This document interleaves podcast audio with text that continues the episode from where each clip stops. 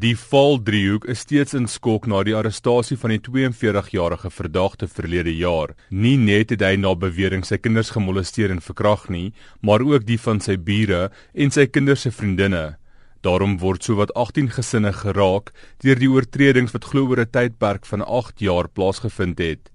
Die twee meisies het in die tydperk by hulle pa gewoon nadat hy tydens die egskeiding volle toesig oor hulle ontvang het. Hy is egter die afgelope jaar in aanhouding.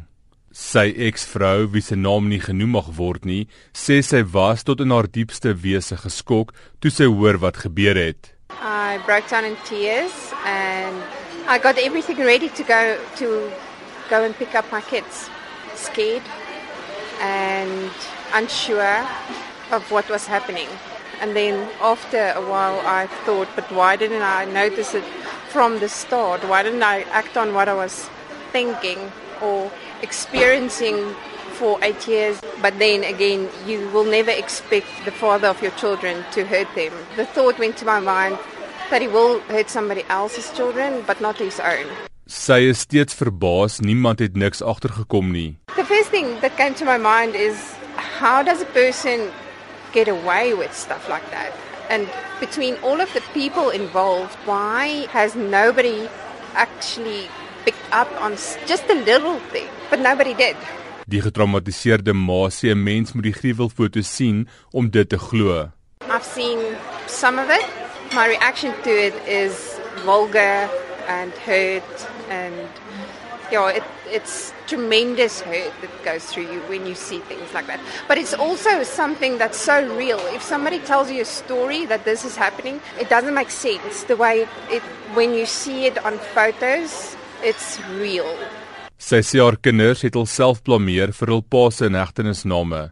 The first thing that I did with the girls was to um, calm them down and tell them it's not their fault. And nothing that is going on will ever hurt them in any way. Because the immediate response to them is it's their fault. The reason why their dad is in jail, it's because of them. So you have to create a platform where they are at ease to talk to you. And up until this day, the girls are still not where they are supposed to be, where in our relationship where they can talk to me. Die ma moes 'n manier vind om met haar kinders te kommunikeer omdat dit baie moeilik was om met hulle te gesels oor wat gebeur het. I want to speak to them. I want to heal them. I want them to heal. So then um, communication even if it's through play, even it's, if it's through drawing or um, especially when we don't have power with the load shedding, um, then we would like sing and just do normal things and then I would um, pop in a question regarding what had happened to them. And then they would start talking, but you, you can't like make a date where we are going to talk about this. It has to be very natural. Sy glo nou dat mens niemand kan vertrou nie. Warning signs is trust your instinct. Yes, I didn't know about it, but the thing inside of me that said I knew what he was. I was supposed to act on that. because I left him for what he was. Sleepovers, you never let your children sleep over anywhere. Even if you trust that person with your whole life, if you can't be next to your child, especially sleepovers, you, you don't allow your child to have a sleepover. I think in these days we are just too busy to pick up on warning signs. Maar sy sê haar kinders se lewens word elke dag bietjie beter. They still see him as their father, although They don't want anybody to know that he's their father.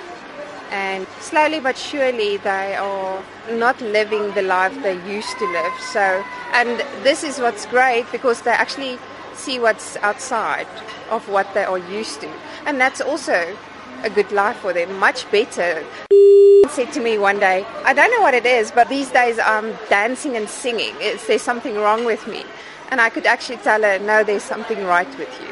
Die ma sê sy sien uit na die dag dat hulle die agter die rug kan sit. After the case has gone the way it's supposed to, then I want them to heal and I want them to live their dreams, be the best they can be.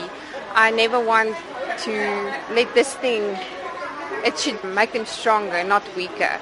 And future for everybody is happiness what is happiness?